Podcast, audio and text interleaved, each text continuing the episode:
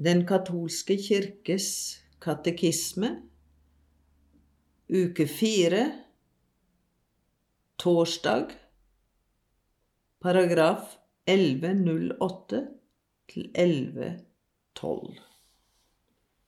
Den hellige ånds samfunn. Den hellige ånd sendes i enhver liturgisk handling for å opprette samfunn med Kristus og danne hans legeme. Den hellige ånd er som sevjen i Faderens vintre, som bærer frukt i grenene. Det er i liturgien at det aller nærmeste samarbeidet mellom Den hellige ånd og Kirken finner sted.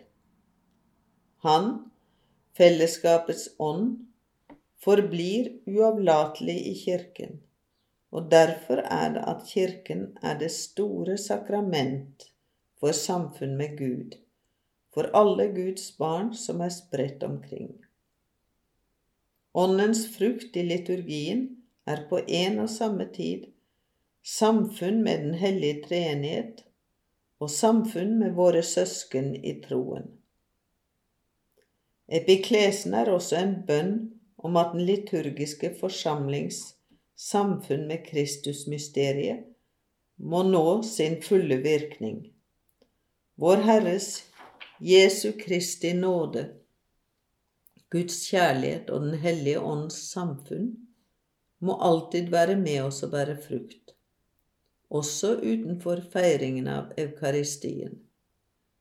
Kirken ber da Faderen sende Den hellige ånd for å gjøre de troendes liv til en levende offergave til Gud, ved en åndelig omvandling i Kristi bilde, ved omsorg for Kirkens enhet, og ved at de tar del i dens sendelse ved vitnesbyrd og tjeneste i kjærlighet.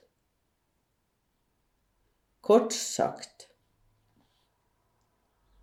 I Kirkens liturgi blir Gud Faderen velsignet og tilbedt som opphav til alle skapelsens og frelsens velsignelser, som Han har velsignet oss med i sin Sønn, for å gi oss barnekår ved Ånden. Kristi verk i liturgien er sakramentalt fordi Hans frelsesmysterium der blir gjort nærværende ved Hans Hellige Ånds kraft fordi hans legeme, som er Kirken, er som det sakrament, tegn og redskap, hvor Den hellige ånd forvalter frelsens mysterium, fordi Kirken på pilegrimsvandringen gjennom sine liturgiske handlinger allerede nå får en forsmak på den himmelske liturgi.